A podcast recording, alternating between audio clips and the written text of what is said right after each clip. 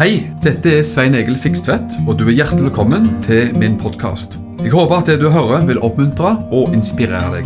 Ønsker du mer informasjon om arbeidet i drivet, så kan du gå til mission-alliance.org.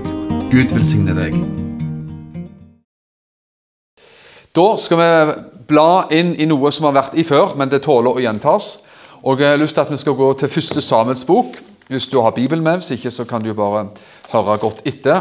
Og så skal vi prøve å inspirere for bønn og snakke om viktigheten ved bønn. Og Det er i 1. Samuels bok kapittel 3, vers 1. Det er ca. 1150 år før Kristus. Det er lenge siden, det. Og vi leser 1. Samuels bok 3,1. Men gutten Samuel gjorde tjeneste for Herren under Elis tilsyn. Herrens ord var sjeldent i de dager, og åpenbaringssyner ble ikke gjort kjent. Det står i andre oversettelser i de dager var det sjeldent ord fra Herren, og av syner var det få. Denne hverdagsbibelen sier det var sjeldent at noen hørte noe fra Gud på den tiden. Og man hørte ikke noe om at Herren åpenbarte seg for noen. Med andre ord så ser vi en tilstand i den, i den tiden der sånn at det var åndelig tørke i Israel. Det er klart at det, det var lite som skjedde åndelig. Åndelig tørke, rett og slett. Og Hvis man da rett og slett går til kapittel 2 og blar oss liksom bitte litt den veien, så ser vi det at um, Vi kjenner jo det, til det ut fra denne historien at denne presten Eli han var um, gammel og trøtt. Gammel og sløv var han også, dessverre. Og han hadde noen sønner som Bibelen sier ikke kjente Herren. Også hans sønner var prester. De skulle skjøtte prestetjeneste, offertjeneste og forskjellige ting. Og så ser vi det hvorfor kanskje at det var lite åpenbaringssyner, lite åpenbaring fra Gud.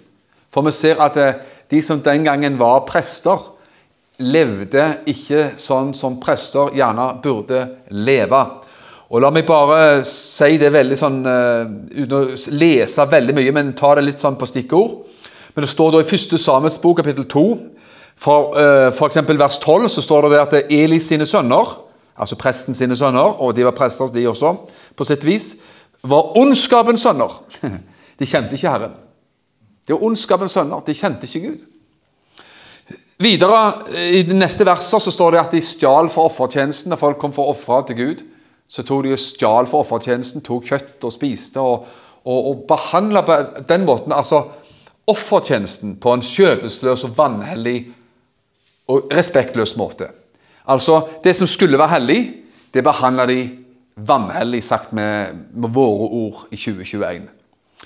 Og så står det det som eh, kanskje enda verre er, det er at eh, de, de hadde seksuell omgang med kvinner som var samla ved åpenbaringsteltet. Åpenbaringsteltet det var jo der, eh, det var jo forløperen til tempelet. Og Der eh, åpenbarte Gud seg, og der skulle de hellige ting skje. Og der altså foregikk det altså hor, rett og slett. Så vi ser det at de var onde, de kjente ikke Gud. De behandla prestetjenesten og offertjenesten skjødesløst og dårlig. Og eh, de, de, levde altså i hor. Og så sier Bibelen også at hans Eli han, på en måte, han refsa det litt. Han sa fy, fy, sa han. Men han gjorde ikke så veldig mye mer enn det. Og Bibelen også sier i, eh, i eh, kapittel 3 f.eks. at, eh, at Gud holdt Eli ansvarlig for denne dårlige oppførselen av hans sønner. Så vi ser at Eli også var gammel og han var sløv, og han, var, han lot det liksom bare skure og gå. Det, det, det, gikk, det gikk sin skeive gang, det åndelige livet og det moralske livet faktisk i Israel. Og Hvis man da faktisk står, eh, går til kapittel 1, som vi blar oss liksom fra kapittel 3 til kapittel 2 og til, fram til kapittel 1, så ser vi likevel i denne vanskelige tida, i den tørre, åndelige tørre tida og umoralske tida i landet Israel, så skjer det noe som er bare så fantastisk. Og Det er jo det at det var ei dame som het Hanna. Og hva gjorde hun? Jo, hun eh, kom der sammen med sin mann eh, for å ofre, og de, eh, hun ba til Gud. Hun hadde den plagen i livet, om du vil, eller forbannelsen, den mangelen, den nøden i livet, at du var barnløs. Og hun ba da så inderlig til Gud om at du skulle få en, en sønn, et barn. Og, og Hennes mann hadde to hustruer. og Den hun ene fikk barn, og den andre kunne ikke få barn. Hanna kunne ikke få barn. Og hun ba inderlig til Gud at hun skulle få barn. Og Da står det bl.a. det at um, Når vi leser fra kapittel 1, vers 8, og bare leser noen få vers Da sa hennes mann de var der for å ofre til Gud osv., og, og så ser hun altså at Hanna hun er sorgfull og full av nød. Og Da det, ser vi noe både som er hjerteskjærende og gripende. Og så ser vi noe som kanskje nesten er litt morsomt også, spesielt vers 8. kanskje litt festlig. Da sa hennes mann Elkana til henne, 'Hanna, hvorfor gråter du?' sa han. 'Hvorfor spiser du ikke, og hvorfor har du sorg i ditt hjerte?' En typisk mann, kanskje. Jeg vet ikke. Men han hadde godt selvbilde, for han sa 'Er ikke jeg bedre for deg enn ti sønner?' Så, altså, Er det noe liksom å bry seg med? Du har jo meg, sa han. Mann med godt selvbilde er jo det.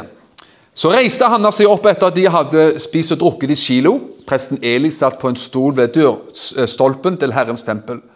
Hun var bitter i sjelen, og hun ba til Herren og gråt sårt. Så Da ser vi noe av hennes inderlige bønneliv. Så avla hun et løfte og sa, herskernes herre, hvis du bare vil se til, til, til din tjenerinnes nød, og huske på meg, og ikke glemme din tjenerinne, men gi din tjenerinne et guttebarn, da skal jeg gi ham til Herren alle hans levedager, og ingen rakekniv skal komme på hans hode. Altså Han skulle være en nazireer som var innvia for Gud. Det var jo det som var opplegget, med at han ikke skulle rake hodet. Mens hun fortsatte å be slik for Herrens ansikt, skjedde det at Eli la merke til munnen hennes. Han har talte i sitt hjerte. Bare leppene beveget seg, men stemmen hennes kunne ikke høres. Derfor tenkte Eli at hun var beruset. Altså hadde drukket for mye vin alkohol. Så sa han til henne, 'Hvor lenge skal du gå beruset? Få vinen bort fra deg', sa han. Men Hanna svarte og sa, 'Nei, min herre, jeg er en kvinne med stor sorg, eh, med sorg i min ånd.' 'Jeg har ikke drukket verken vin eller sterk drikk, men jeg har utøst mitt hjerte for Herrens ansikt.' Se ikke på den tjenerinne som en ondskapens datter, for det jeg har talt til nå, er bare ut fra min store nød og sorg. Da svarte Eli og sa, Gå bort i fred, og må Israels Gud gi deg det du har bedt ham om. Og Endelig så skjønte Eli sjøl hva som foregikk. Han trodde han var på en måte så sløv at han trodde når hun ba, hun bare ba inderlig, ba, vrengte sitt hjerte i nød til Gud og, og ba på sitt vis. Uh, og, og, Da trodde altså Eli at hun hadde drukket for mye vin, og sånne ting, men uh, det var bare at hun ba ut fra hjertets nød og hjertets sorg. ikke sant? Og Så sier jo da uh, Hanna at hvis du bare vil gi meg en sønn, så skal jeg gi han til deg. Han skal være en gave til deg, Gud. Du skal få, du skal få råde med denne, denne, gutten. altså. Han skal bli noe spesielt, og det ble han. Så kjenner vi historiens side når Herren også kaller Samuel. Han kommer jo tilbake, De kommer tilbake med Samuel når han var født og, og avvent. Så kommer han tilbake og vokser opp i tempelet under Elis tilsyn. Og Litt senere så hører jo da Samuel Guds røst. Vi kjenner denne historien, så vi skal ikke lese særlig mye av det. Men vi ser hvordan Herren vekker Samuel på natta og roper jo 'Samuel, Samuel'. Samuel hører Guds røst så tydelig at han springer inn til Eli på rommet hans og spør 'Hallo, du ropte på meg. Hva er det for noe?' Og Da sier Eli at 'jeg har ikke ropt, så bare gå og legg deg igjen, du'. Og Så skjedde det tre ganger. Og så vet vi at Den siste gangen så sier jo da Samuel eh, Eli til Samuel at hvis du hører denne røsten igjen en gang til så, så må det være Gud. Og da sier han, skal du si til Gud, tal Herre, din tjener hører. Ikke sant? Tal Herre, din tjener hører. Og så får han dette profetiske ordet fra Gud, denne gutten Samuel, og med domsord over Elians hus, at Gud skal gjøre noe i landet som gjør at det kommer til å virke det runger kraftig i landet. Hva sier siden? Jo, Siden kommer det også en dom som gjør at eh, både Eli og sønnene til slutt dør. Men det vi da ser, og som er enda viktigere, det er jo at det stender Samuel, da, som blir et redskap for Gud på noe helt annet plan enn det som vi noen gang kunne lese om Elis var sløv. Sønnene til Elis var frafalne og sløve og lunkne og umoralske og alle ting sånn.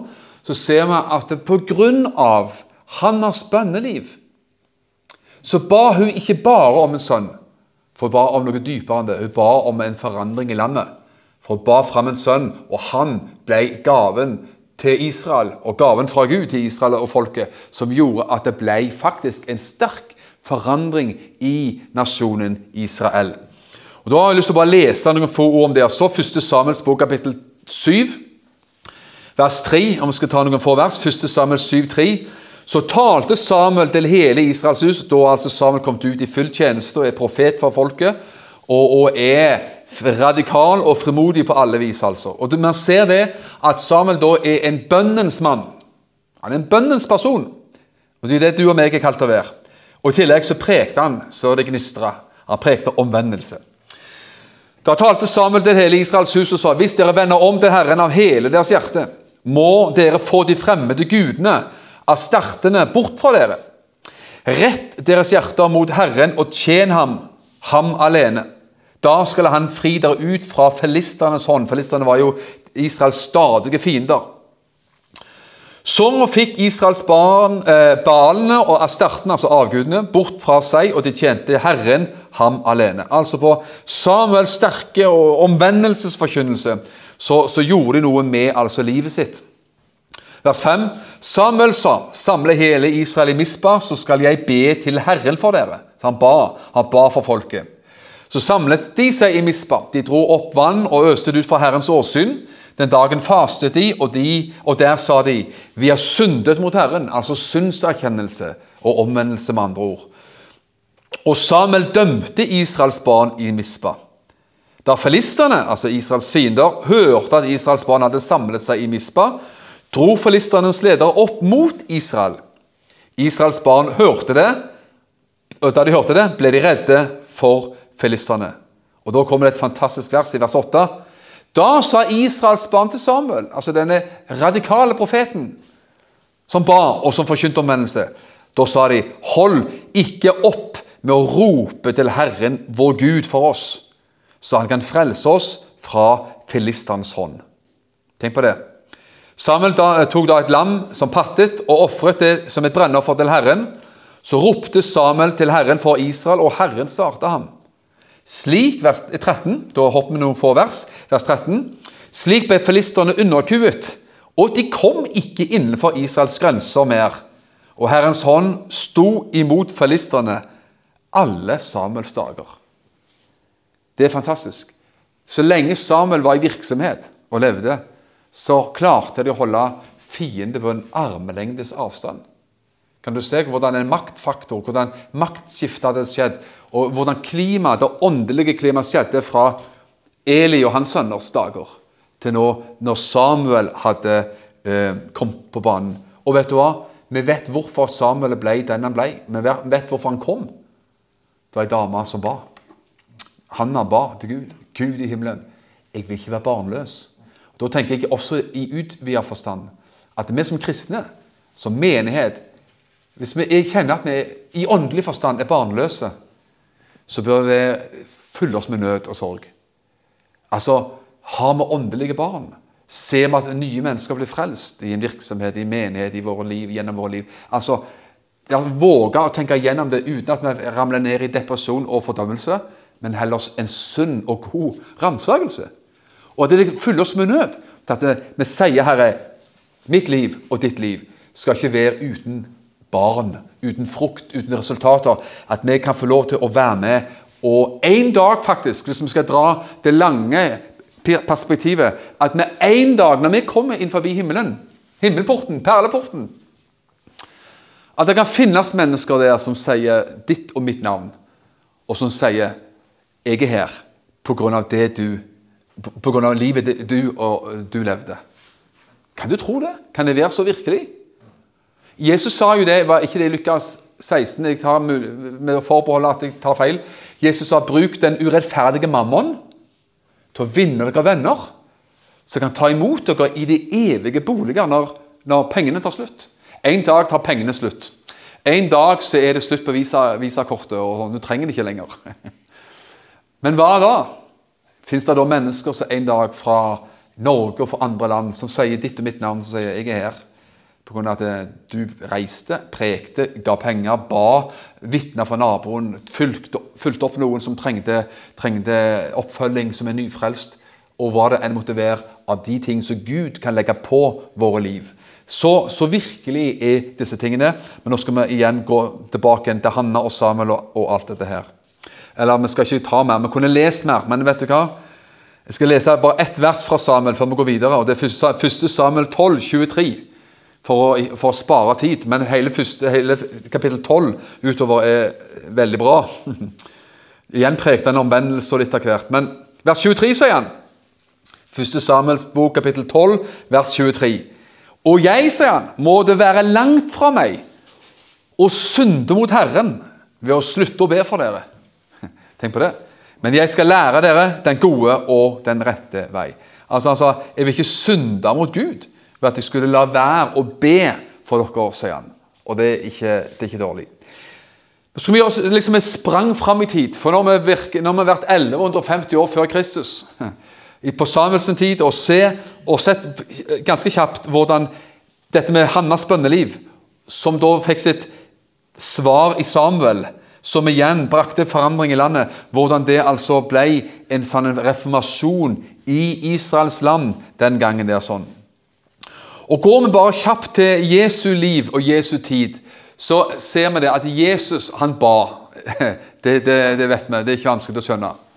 Jesus ba, og fordi at disiplene så at Jesus ba, og han hadde et bønneliv som fungerte, så kom de opp og seg, krypende til Jesus, eller gående til Jesus. Og så sa de Jesus, lær oss å be. Det er den eneste tingen de spurte om direkte om å, bli lært til å gjøre noe. Opplært. De sa alle 'lær oss å drive demoner', 'lær oss å helbrede syke', 'lær oss å forkynne', 'la oss få lov til å gå på et prekenkurs hos deg, Jesus'. De lærte alt det òg, men i, sånn, i all direkte forstand så er det bare denne gangen de spør om at Jesus skal lære dem noe. Lær oss å be. De må ha sett noe i Jesu bønneliv som, som bare skapte hva for noe? En lengsel. Vårt liv, vårt bønneliv, eh, ruller, ruller, veldig dårlig på plikt. Det ruller veldig dårlig på, på beinhard disiplin, men det ruller veldig godt på noe som vi skal snakke om senere, bl.a. lengsel. Eh, åndelig lengsel, bl.a. Okay? Og Da vet vi det. Vi skal lese det veldig raskt. og Vi skal jo senere i høst ta Fader vår fire ganger, er det vel. Vi, vi, deler den i fire og skal gå gjennom alle liksom, setningene i Fader vår. Det er meningsfullt, altså. Det må jeg bare si. Så at vi kan preke om bønn, det er, det er bare kjekt, altså. Da står det i Lukas 9,28. Lukas 9,28. Omkring åtte dager etter at han hadde sagt disse ord, skjedde det at han tok med seg Peter, Johannes og Jakob og gikk opp i fjellet for å be. Han tok bare den indre kretsen sin, tre disipler, gikk opp i fjellet for å be. Og så står det bare så fantastisk Mens han ba, fikk hans ansikt et annet utseende, og kjortelen hans ble hvit og strålende. Nå har ikke du og meg spesielt løfta at du og meg skal få et spesielt utseende når vi ber, eller at har du mørke klær på deg, så blir de hvite. Men det skjedde med Jesus, og det er jo en helt spesiell historie også. da, At han blir åpenbart på den måten som at Jesus var menneskesønnen, men de fikk også se han som gudesønnen. En forvandling. De fikk liksom bare se at det sløret ble tatt til side et øyeblikk, og så så de denne brune kledde Jesus, brune øyne, brunt hår. Midtøsten-Jesus ble plutselig skinnende, blendende hvit. Fantastisk. Da fikk de se han både som menneskesønn og som gudesønnen. Og det er han jo for oss også. Men senere, da, i Lukas 11,1, og og uten å ta lang tid på det heller, for det skal vi gå virkelig mer inn i, så er det jo nettopp dette her, han er Fader vår. Lukas 11,1, og da sier jo disiplene til Jesus Herre, lær oss å be. sier de. Lær oss å be. La meg få med andre ord Hvis jeg skal legge litt på da, for egen regning, så er det som om de sier Jeg tror i hvert fall de sier det. Jesus, vi ser at du har et bønneliv, altså som er litt annerledes enn fariseerne. Kanskje de sa det. Hvis du ikke er enig med meg, så har meg tilgitt. Eller de sa Jesus, vi ser jo at eh, ditt bønneliv duger godt for at eh, du er, du er mye avsides og ber, og det skjer veldig, veldig mye bra rundt ditt liv. De så noe hos Jesus som sa, i hvert fall gjorde at de, ville, de sa 'lær oss å be'. Og da kommer jo Jesus da altså med Fader vår etterpå. Og den skal vi som sagt ta siden. Kan vi hoppe litt videre fra Jesu tid og snakke litt om oss i dag? Men nå lever vi i 2021. Og da er jo spørsmålet vet du, hva, hva med tiden vi lever i nå? Og Jeg har lyst til å gjerne trekke en liten parallell fra Samuels dager og Eli sine dager til vår tid. Ikke om du har hørt den. Jeg vil anbefale den på det aller sterkeste. Jeg, jeg, alle kjenner sikkert navnet Alf Magnus. Mangeårig leder i Ungdom i oppdrag. Uh, hadde jo en utrolig bra og viktig tale i i, uh, på lista til Visjon Norge sitt uh, stevne på lista. Noen som har hørt den? Hørt om den? Det fins på YouTube, så bare gå og finn den. Han talte jo på en formiddagsmøte der om på en måte analyserte tiden vi lever i i Norge. Og refsa også rett og slett, uten, uten å be om unnskyldning for det, eh, bispekollegiet fra deres liberale holdninger og frafallenhet, for å si det rett ut. Det er i hvert fall mine ord her og nå. Uh, og, og spurte også Fins det ikke i det minste én eller to av dere biskoper som kan si at vi er uenige? Og gå litt motstrøms, eller ta dissens på ting som har blitt beslutta. I forhold til ekteskapslov og uttalelser om Israel, uttalelser om abort og uttalelser om ditt og datt. Altså, det, det, uh, man kan, Etter mitt syn så kan man trekke paralleller fra Samuels dager til den tiden vi lever i nå. Være enige eller uenige i det, men det er Svein Egils påstand. Og jeg anbefaler i det minste talen til, til Alf Magnus. Eh, finn den, altså. Eh, formiddagsmøtet han hadde på teltmøtene. Konferansen til Visjon Norge på lista i juli. Da finner du fram på det. Du vet at Et uttrykk som man gjerne sier Det som skjer, det skjer. Høres fint ut, men ikke bibelsk i hvert fall. For Bibelen sier noe mye bedre, og det er den som ber, han får. Så får du velge sjøl hva som er best. Det som skjer, det skjer. Jeg kan ikke si det mer. Jeg kan ikke gjøre noe mer. Jesus sa, Bibelen sier 'den som ber, han får'. John Wesley, vekkelsesbærer uten, uh, uten like, altså nesten. Han, Både John Wesley og Charles Wesley, forløperne, eller de som da eh, la oss si det sånn, da, de grunnla metodistbevegelsen 1700-tallet virka de, og de var mektig brukt av Gud. Rei på hest. De ble kjeppjakt, og de ble hunsa og håna med. Men de hadde mektig, mektig vekkelse i England. Og eh, eh, folk kom under voldsom syndenød når de prekte. Det har man ikke vondt av i dag. At et menneske blir berørt i sitt hjerte og kjenner at ens, ens egen, ens egen frafalne og fortapte tilstand avsløres av evangeliet, av Guds ord. Og av Guds godhet, selvfølgelig. Og av Guds sannhet, som gjør at det finnes noe som knuses og knekker i våre liv. Av stolthet, av egen rettferdighet, og som gjør at man vil komme til korset. Er du enig i det? Hvis det, mangler, så, ser vi det ofte veldig svake og svake omvendelser som nesten ikke holder mål. Men det mennesket som har hatt den der knu, sønderknuselsen og den opplevelsen av egen fortapte stilling og tilstand vil, og så kommer det Jesus, vil bli et forandra menneske. Det minner meg litt om Jesajas. Når Gud kalte Jesajas i eh, Jesajas kapittel 6, så står det jo det at han møtte Gud, han så Herrens herlighet. Og så sa han vet han sa? Nå tar jeg, det, jeg skal ikke slå det opp, så jeg tar det på ren liksom, hukommelse. Ved meg, sier han. Det, det, det er ute ved meg. For jeg har sett Gud. Jeg har sett Gud. Og jeg er, også, jeg er en synder, jeg har ureine lepper. Jeg bor en, blant syndige mennesker, i en syndig slekt. Jeg er fortapt. Det er helt ute med meg, for jeg har fått et glimt av Guds hellighet og herlighet. Tenk på det. Og så, det, Da han føler, seg helt ødelagt. Så, så, så, så er jo dette et veldig sterkt overnaturlig opplevelse, overnaturlig syn. Så, så er det jo en av serafene, fra de himmelske serafene som rører ved Jesaja. Så renser han i glotang.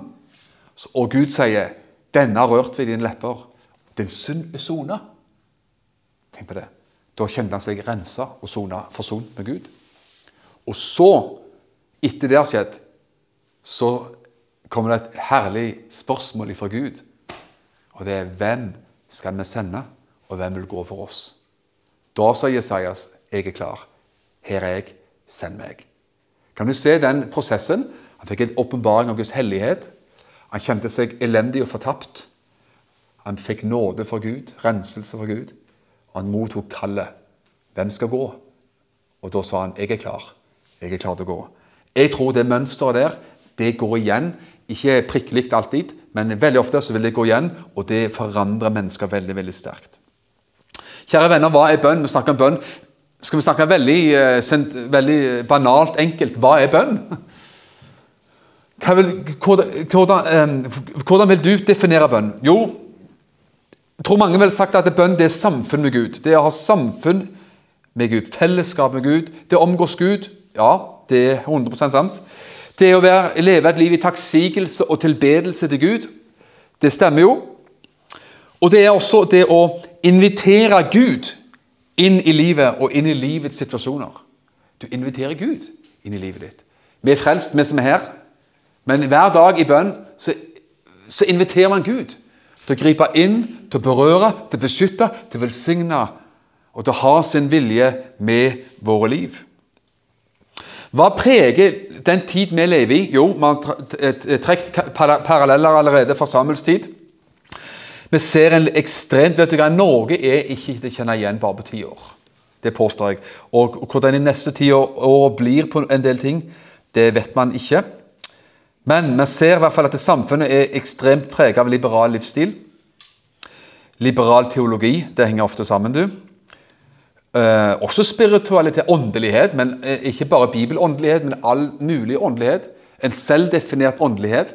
New Age, som det gjerne kan kalles og at man, man velger sin egen åndelighet eh, i, eh, i, eh, på, på koldtbordet.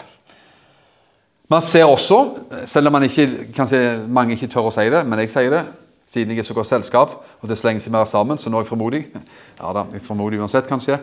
Islamisering. Vi ser islamisering, og i kjølvannet av det så ser man også på et økende jødehat i landet vårt. Og det er en kombinasjon av islamiseringen og sosialismen i landet som gjør at islam, islamister og eh, muslimer også Og islamisten er jo betegnelsen for ekstremislam, kan man si, ytterliggående. Men denne rare, helt bemerkelsesverdige kombinasjonen av sosialismen og islam For de har ikke alle ting til felles, men de har i hvert fall det til felles at man har eh, sterke, meget sterke anti-israelske holdninger og, og antijødiske holdninger i meget stor grad. En annen ting som preger vår, eh, preger vår tid, det er også kjønnsforvirring. Det må man virkelig våge å få lov til å si. Hva, preger, hva, hva gjør det med oss, kjære venner? Man kan, blir man redd? Blir man frustrert? Blir man maktesløs? Blir man aggressiv? Noen blir aggressive. Det er ikke veien å gå. Amen. Farlig å, bli, å gå den veien der. Hva blir vi? Jo, vi er kalt å leve som Guds etterføl Jesu etterfølgere, tro mot evangeliet i den tid vi lever i. Til å være frimodige. Vi lever i nyhetens tid i Norge. Men vet du hva? Jeg er ikke så veldig redd for det. Det er beklagelig, alt jeg har lest, alt jeg har snakket om. Det er dypt beklagelig. men kan kjenne på. Jeg sier altså med sorg over det. Men skjønner likevel så kjenner man at man skal være godt mot og være frimodig. Men mer enn noen gang så vil det også koste å forkynne evangeliet. Det vil koste å stå for Guds ord. Det vil koste å leve annerledeslivet og leve motstrøms. Det er et uttrykk som sier det er bare død fisk som renner med strømmen. Og det er bare levende fisk som kan svømme mot strømmen. Så får du sjøl finne ut om du er levende død fisk eller død fisk. Men Vi ønsker å være levende fisk som ikke er redd for å gå og leve motstrøms. Som av og til vekker respekt, andre ganger avsky. Begge deler, faktisk. Men det, vi, det, vi, eh, det må være eh, klar til å gjøre, faktisk. Jesus har i Bibelen eh, forberedt oss på den tiden. Når Jesus hadde sin avskjedstale i Johannes 14, 15 og 16 han, Noe av det siste han ville si før han gikk til, til korset, og siden da til himmelen, så snakker han mye om kjærlighet. Elske hverandre og elske Gud og osv. Så sånn. Han snakker mye om eh, at Gud er vår far, og vi skal oppdage å leve i hans kjærlighet. Og at Den hellige ånd skulle komme til oss og ta bolig og være vår venn og hjelper. Han skal avløse Jesus, kan du si. Jesus skulle til himmelen, og så skulle Den hellige ånd komme ned og på en måte fortsette Jesu verk. Er du enig i det? Gjennom oss. Det er mye av det som Jesus snakket om i Johannes 14, 15 og 16. Men, men i alt det oppmuntrende som Jesus sa, så sa Jesus også det. Bli ikke overraska om verden hater dere, sa Jesus. Han sa det. Ikke tro at dere får det bedre, sa han. De har de hata meg og forfulgt meg. Det gjorde de. Det var ikke alle. Jesus helbreder jo mennesker i stor stil. Og Det er lett å tenke at alle jubler, alle vifter med palmegreiner. Jo, den ene dagen vifta de med palmegreiner. Den andre dagen så ropte de ikke Hosanna, men korsfest. Så de prøvde seg igjen og igjen. Spesielt de religiøse så prøvde seg da å ta Jesus igjen og igjen. og igjen. Så jeg har lyst til å si det at eh, også, Selv om det blir litt alvorlig, så er det viktig at man kjenner at det, den tiden vi lever i, må vi eh, ut fra det vi ser, all den, all den elendighet og liberalisering og ugudelighet man ser, så må ikke det bringes bare til avmakt, men det må bringes til våre knær. Også til fremodighet, dele evangeliet, be for mennesker og være framoverlent. Fremoverlent. Virkelig viktig, altså. Eh, eh, noen ord fra åpenbaringsboka. Åpenbaringen 3.15. Du vet at det, var sånn syv eh, budskap som Jesus kom med til fra syv forskjellige menigheter på syv forskjellige steder da, i, i, i, i Lille Asia-området. Og Da er det en av de som vi skal lese, og det er ganske kraftige ord. til Laudikea, så da skjønner du hva det går i. Det er mange menigheter som kaller seg for Philadelphia. For det, Jesus hadde så mye fint å si til Philadelphia, vet du, så da er det kjekt å kalle menigheten for Philadelphia. Når ingen menighet, Jeg har aldri sett noen menighetsskilt på noen plass menighet som dette er Laudikea. Som skal få lov til å spandere og ha det litt gøy, gøy også, da, så kanskje det er noen menigheter som burde hatt det på som navn. Ja, du skjønte ikke den, skjønner. Men uh, den falt ikke i god jord. jo, noen. Ja, vi, får blande litt, uh, litt, glede og alvor. Åpenbaringen 3.15. Hør her. Jeg vet om gjerningene dine, at du verken er kald eller varm. Om du enda var kald eller varm. Derfor, fordi du er lunken, verken kald eller varm, vil jeg spy deg ut av min munn. Det var ikke veldig eh, koselig. Det er til og med Jesus sjøl som sier dette. her, vet du. Men så kommer det som er virkelig interessant her. Fordi du sier 'Jeg er rik, jeg har overflod og har ikke behov for noe', og ikke vet at du er elendig, ynkelig, fattig, blind og naken. Altså, De sa noe om seg sjøl. De trodde noe om seg sjøl. De sa men, 'Hallo, vi er jo rike, folkens. Vi har jo overflod.' Vi har ikke behov for noe. Ser du? De, følte, de trodde at alt var i orden. Og helt åpenbart, i menneskelig forstand, etter menneskelig målestokk, så må det jo ha vært i orden også, da. Hva ville vi sagt i stedet for? Kanskje vi ville sagt Hallo, vi har penger på bok, venner. Vi har fint lokale. Vi, vi, har, vi har nye og moderne virkemidler, venner. Vi har flott, moderne kafé som samler mennesker. Vaffeljernet går varmt. Ikke hva vi ville sagt. Alt er så fint! Det er gjerne den måten vi ville sagt på. Men de sa vi har alt. Men så sier Jesus Vet du hva, sier Jesus? Du vet ikke at du er elendig, du er ynkelig, ikke bra, fattig, blind og naken. Da, er, mener, da tenker jeg at Jesus ha en sånn diagnose, om du vil. De trodde de hadde alt. Men så sier Jesus, vet du hva, i mine øyne har dere ingenting. Og så, men heldigvis er det, så er det en løsning. Vers 18. Så råder jeg deg Jesus sier jeg kommer med godt råd. sier han. Tror du at Gud kan komme med gode råd i 2021? Jeg råder deg til å kjøpe gull av meg, sa han. Skjønner De, de, de trodde de var rike, men det var jo ikke det. De var fattige. Da sier Jesus, 'Kom og kjøp gull, mitt gull.' Gull av meg. Gull renset i ild. Du vet, Gull i Bibelen er et bilde på det guddommelige. Alt som har med Gud å gjøre, er, er gull. Gull renset i ild, så du kan bli rik. Og hvite klær. Jesus sa at du er egentlig naken, men du kan komme til meg og få hvite klær. Det er, en god, det er en god deal. Så du kan være påkledd.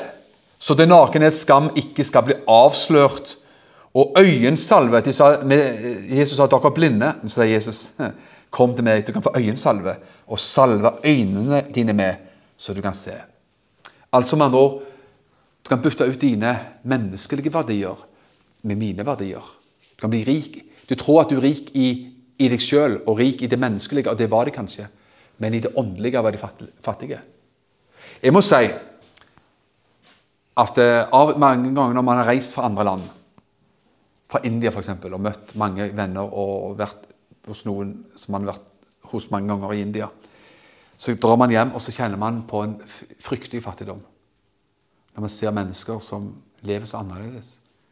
Fattige, og som har betalt en helt all verdens pris for troen sin. Og som har mista og oppgitt livet sitt her på jord. på sett og vis. De lever så lenge de lever.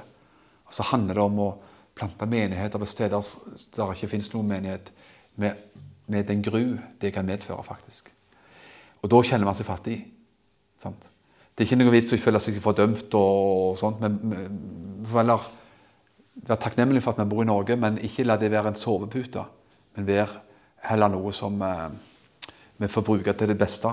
Og kjenne Når klimaet forandrer seg i Norge til det verre åndelig, så tror jeg altså også en del ting kommer oss nærmere. At vi må velge hvilket liv man vil leve, og hva faktisk man vil eh, stå for. altså. Det tror jeg er viktig. Så jeg tror at vi skal, Bønn er å komme til Jesus og si 'Herre, jeg vil ha dine verdier'. Jeg vil ha ditt gull. Jeg vil ha din øyensalve. Jeg kommer for å søke deg og vil ha alt hva du har å tilby i mitt liv. Sånn at jeg kan være utrusta og være klar.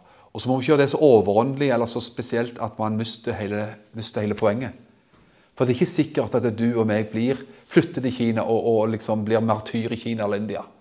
Det kan hende at du skal faktisk bo i Norge. vet du.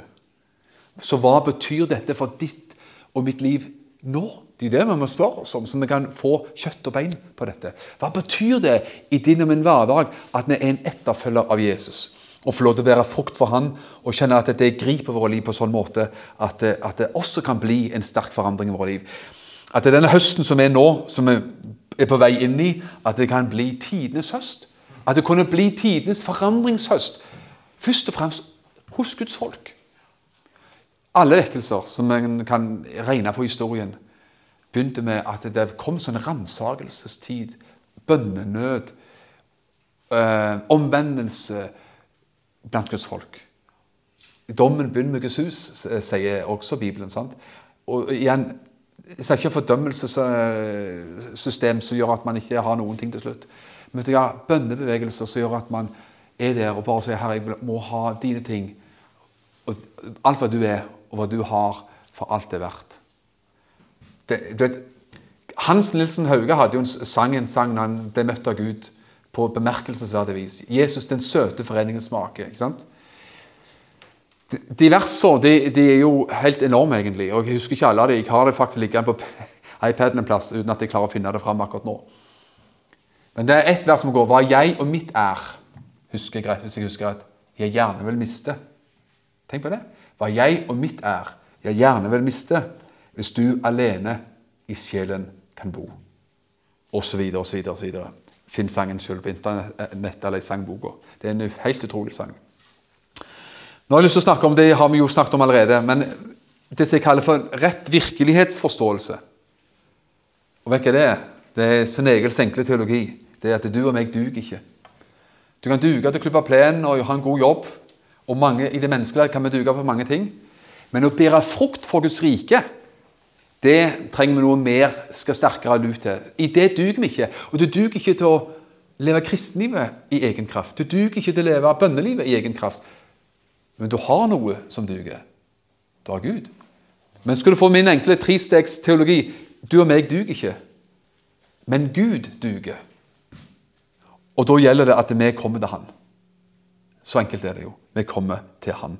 Og Det har med denne erkjennelsen av egen utilstrekkelighet Og Det er noe av det viktigste, noe av det mest dyrebare, det mest enkle man kan faktisk si i vår bønn. Enten man sier det, og det er rett og slett herlig og viktig og befriende å si det og sier det til Gud 'Herre, jeg, jeg behøver deg. Jeg trenger deg.' Det er noe av det mest dyrebare som fins. Og man kan be, bør be mer enn det, selvfølgelig, men vet du hva? Om du ikke fikk bedt så mye mer, om du kunne si 'Herre, jeg behøver deg i mitt liv', og det er deg jeg vil ha i mitt liv. At det er liksom gjennomgangstonen og den røde tråden i vårt bønneliv. Paulus sa sjøl i 2. Korinterbrev 12,9.: Hvis jeg skal rose meg, sa han, skal jeg rose meg av min svakhet. Paulus ressurssterk mann, god utdannelse, fariseer, hadde sittet ved Gamaliels føtter, var jo en ressurssterk mann. Det var han. Det skal han ha. Men så sier han, skal jeg rose meg, sier han, skal jeg rose meg av min svakhet. Fordi når jeg er svak, da er jeg sterk. Koblingen mellom Paulus' svakhet og Gud og Guds styrke gjorde Paulus til noe. Og Jesus sa selv i Johannes 15, 5, Husk, sa Jesus. Når han snakket om vintre, vi var greinene på vintreet, så sa han bare Uten meg kan dere ingenting gjøre. Men det stopper ikke der, vet du. Vi kan ikke bare sitte og glane og si vi kan gjøre ingenting. Ja, vi kan gjøre ingenting uten Han. Men bli meg, sa Jesus. Bli meg. Bli meg. Å være i Han og kjenne at det, det, dette her, denne selverkjennelsen blir på en måte sånn, for meg i hvert fall, en underliggende drivkraft på at jeg til stadighet trenger Han. Nasjoner, kulturer, tidsperioder i historien der mennesker søker Gud på alvor, også ja, først og fremst Guds menighet og de kristne, som deretter slår ut i vekkelse, har så ofte handla om krisetider. Krisetider, nødstider som gjorde at det ble omvendelse, masse omvendelse. Og det trenger vi virkelig. Vi trenger å forstå at vi er uten Han har ingenting og er ingenting. Men i ham, med ham, så har vi alt det vi behøver. Det er herlig. Jeg tenker, eh, Ditt og mitt bønneliv, la det være preget av ærlighet og åpenhet. Ikke rariteter eller påtatt fromhet. For Gud tåler dine spørsmål, og Gud tåler dine, din nød. Hvis Gud tålte å høre på Hanna i Bibelen, som til og med oppførte seg på en sånn underlig, rar måte at eh, presten Eli tenkte at hun hadde drukket for mye, så tåler Gud ditt hjertespråk. Han tåler din latter, han tåler dine tårer. Han tåler alt. Og Hvor fantastisk det er at vi kan få lov til å komme til Gud med alt. Fordi at han er barmhjertig. Og der er jo sider ved vårt bønneliv jeg skal lande veldig fort, at vi ber, jeg ber alene, og jeg ber kollektivt sammen med andre. Vi har vårt eget bønneliv hjemme. Sett av tid. Finn din rytme på dagen der du setter av 'Nå er min tid' til å be. Det kan være eh, når som helst, når det passer for deg, når det passer inn og fungerer godt for deg. Men la det, finn den tid til å sette av til å være i bønn til Gud. Kolossalt viktig. Mot slutten så skal jeg bare remse opp eh, eh liksom, remsa remse og hente ut fra apostelens gjerninger. Fra apostelens gjerninger så ser vi at de ba veldig mye. Paulus var jo alene. Paulus bøyde sine knær enten han var i fengsel eller på fjellet. Eh, det gjør du og meg òg, men, men, de ba også sammen. Men bønn, ifølge det vi kan da finne i apostelens gjerninger, så ser vi at bønn forløste fremgang for evangeliet. De ba og søkte Gud og sa, 'Herre, eh, la dine tjener, eh, tjenere forkynne ditt ord med fremodighet'. Altså, Bønn forløste fremgang for evangeliet. Apostelens gjerninger 423. Bønn resulterte i oppstandelse fra de døde. Ja, Det har ikke du sett, og meg sett kanskje. Nei, men det fins i Bibelen, og det fins likevel også i vår tid. Så det gjorde det. Apostelens gjerninger 940. Peter vekker opp denne Tabita fra de døde. Han knelte ned og ba. Det er opplegget. Altså, Hva som helst kan skje når vi har et bønneliv. Ja. Bønn resulterte i englebesøk. Apostelens gjerninger 10.1. Kornelius var i bønn til Gud. Så var det en Herrens engel som åpenbarte seg for ham. Han var ikke frelst engang. Han var en, en romersk soldat av alle ting. Som var, var med som en okkupasjonsmakt i Israels land. Ikke sant? Men han hadde en sånn inderlig lengsel etter Gud. tydeligvis. Og ba og fasta og var en ordentlig from fyr. Og så kom det en engel som sa Du, sagt med Sven Egil sin ord, nå skal vi koble deg opp til evangeliet. Nå skal, vi, nå skal du være med på noe fint. Og så fikk han høre evangeliet. Peter kom og forkynte evangeliet for Kornelius. Så bønnen resulterte i englebesøk. Så bare, du får holde deg klar, altså. Bønnen resulterte i overnaturlig åpning for evangeliet. Der ser vi igjen igjen at eh, blant annet når Peter var på hustaket og ba til Gud, så fikk han en henrykkelse, et syn, og så ble han da leder til Kornelis sitt hus. Så han, de, de ba, vet du. Paulus, altså, på, den, eh, på en gitt tidspunkt så gikk han opp på hustaket, var, var alene innenfor Gud. Gikk avsides. De hadde bønnetider. Og, og De bønnetidene var sikkert forskjellige fra person til person. og alt dette, hvordan det, det, det, det, måtte passe. Og Sånn er det også i våre liv.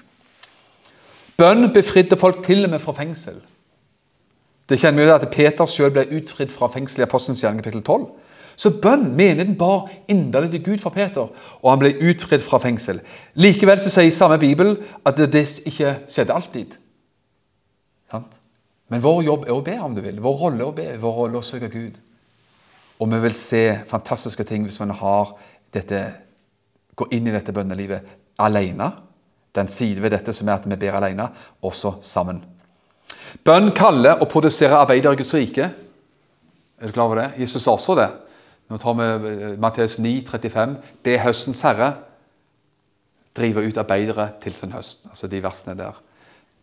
Men også her i Apostelens gjerninger så ser vi det, at i Apostelens gjerninger 13 De fasta og ba, og Gud sa 'ta ut for meg Paulus og Barnabas'. Og så ble Paulus og Barnabas sendt ut i sin aposteltjeneste. De begynte å reise rundt omkring. Sin, den første misjonsreisen begynte der. Men hvordan og hvorfor ble de sendt ut? Ja, De var i bønn og faste sammen. Så bønn har kolossalt mye å si. Og bønn, som vi kjenner veldig godt til, i Apostelens gjerninger igjen og igjen og igjen. Det skapte helbredelser. Det skapte tegn under. Det skapte helbredelser. Folkens, vi er helt nødt til å være Vi må bare være ivrige på bønn, for å si det sånn. Vi må. Det ordet 'må' er farlig, vet du, for det kan bli så trykkende. Men, men eh, det må være sånn understrøm av lengsel i vårt liv at vi har lyst til å være ivrige på bønn. Overgitt til bønn. Dag, når dagene er gode, og når dagene er onde. Og at det, det blir en sånn en sterk, sterk lengsel i våre liv. Mot slutten, Kanskje du har hørt det før òg. Husker ikke hva jeg har sagt før og ikke sagt før alltid. Men jeg selv fikk en sånn fornyelse i mitt bønneliv i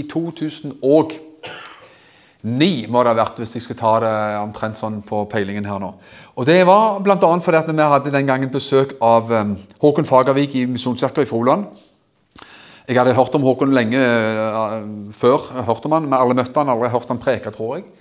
Men, men hans undervisning om bønn var så ekstremt enkel enkel. Og hadde liksom den nerven i seg at det skapte en sånn enkelhet og en lengsel. Og det blir gjort sånn tilgjengelig. At bønn ikke bare får sånn, sånn uttrykk som man gjerne har hørt i visse sirkler, at det er bønnekjemper og bønnemennesker og bønnekvinner og bønnemenn og bønne ditt og bønne datt. Det kan ekskludere folk. Som snakker bønnekrigerne og bønnekjempene. Vet du hva? Hvis jeg begynte å snakke sånn her, vet du hva du ville tenkt? Jeg er ikke blant de. Det, det er du sin egen til å med noen andre. Og vips, så hadde du avskrevet deg sjøl fra, fra, bønn. Men vet du ja, alle er bønnekjemper. Det er det som er saken. Det er ikke bare noen spesielle rasekristne som er Nei, alle kan be.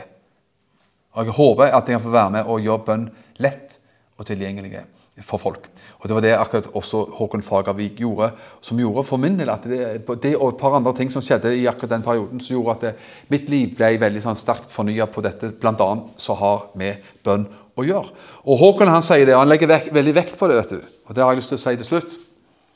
Og det er at bønn må være fulgt med masse, masse takksigelse. Alltid. Hvis du bare sånn sett bare ber for all verdens nød, om du bare siste neste uke skal bare be for Afghanistan så du må du gjerne gjøre det. Men ikke bare be for Afghanistan. Det er nesten farlig å si vet du, når du leser nyhetene. For de trenger vår forbønn. Sant? Men du, ja, du må blande din bønn og din nød når du tar, ber for ting. Tunge ting, store ting. Så kan du kjenne at det trykker livet. Bønnebyrde, at det kan bli tungt. Og jeg tenker altså, Det er veldig viktig at når vi ber for land og folk og ber for store saker og ting, at vi også ber for de nære ting og husker på alltid å takke Gud. Lever i takksigelse. Takk for frelsen, takk for korset. Takk for at du har mat på bordet hver dag. Vær rett og slett barnslig. Jeg har lyst til å slå et slag for skikkelig barnslighet i dag. Såkalt barnslighet.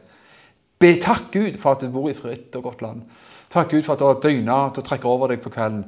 Takk Gud for at du har mat på bordet på morgenen. Takk Gud for de enkle ting. Og la, det, la oss alle være så eh, kresne eller bortskjemte eller voksne at vi slutter å be. At, det, at, vi slutter å takke for sånne ting. Vi lærer gjerne barn å takke for sånne ting. Det er liksom, De små barn skal holde på med sånne ting. Nei, du og meg er kalt til å takke for alle store og små ting, også små ting. Vær full av takknemlighet. Det gjør at det også blir lettere å be for de store, alvorlige tingene i verden. Kan du se det? Kolossalt viktig. Jeg sier ammen her, og så bare vi, ber vi en bønn, og så overgir jeg ting videre her til Jens Sigve. Far i himmelen. Herre, takk vi kan be og bli, seg, hvis vi kan bruke ordet 'flinke å be', det er nok et feil ord. Men at vi kan ha et bønneliv som for oss er godt, er enkelt, som er rikt, som vi aldri ville vært foruten, Herre. Herre, vi, kan sikkert, vi blir alle gjerne eh, teknisk flinke bedre. Og hva betyr nå det? Det som betyr noe at vi kan leve nær deg og utøse vårt hjerte til deg og be enkelt og fremodig og tillitsfullt til vår himmelske Far i Jesu Kristi dyrebare navn. Takk at vi kan få lov til å bare være sånne enkle mennesker som lever bønnelivet på den måten, Herre. Og opplever, Herre, etter hvert som vi bare ber, så kan også bønnelivet utvikle seg og, og alt det der. Men Herre, gi oss bare sånn en ny start. En ny sånn en, uh, vitamininnsprøytning, Herre. En skikkelig innsprøytning, Herre Far, av, av det vi må kjenne på hvilken glede, hvilket privilegium og hvilken, hvilken herlighet det er å få lov til å være med og gi. Og, og få lov til å være med og be i Jesu Kristi navn. Og få lov til å gi ut til denne verden, Herre Far, gjennom vår bønn. I Jesu Kristi navn. Amen. Da er jeg ferdig, men jeg skal si bare jeg kom på mens jeg var husker, Noen som husker Bjørn Bergman? Jeg var jo kameraten Arild Edvardsen. Han reiste med Arild og prekte i alle år i Sarensdal. Bjørn Bergman? Nei, det var visst noen. Han sa han, han, Om han preker nå, vet jeg ikke, for han har jo blitt en, i hvert fall en gammel mann. Men han sa noe artig en gang, det er litt sånn befriende. For han sa altså, jeg, Egentlig så, han, så er jeg ikke så veldig flink til å be, sa han. Jeg er ikke så flink til å be. Men jeg liker, jeg liker, veldig godt å prate med Gud. Og det er bra sagt. For det gjør det så enkelt og nært. Amen.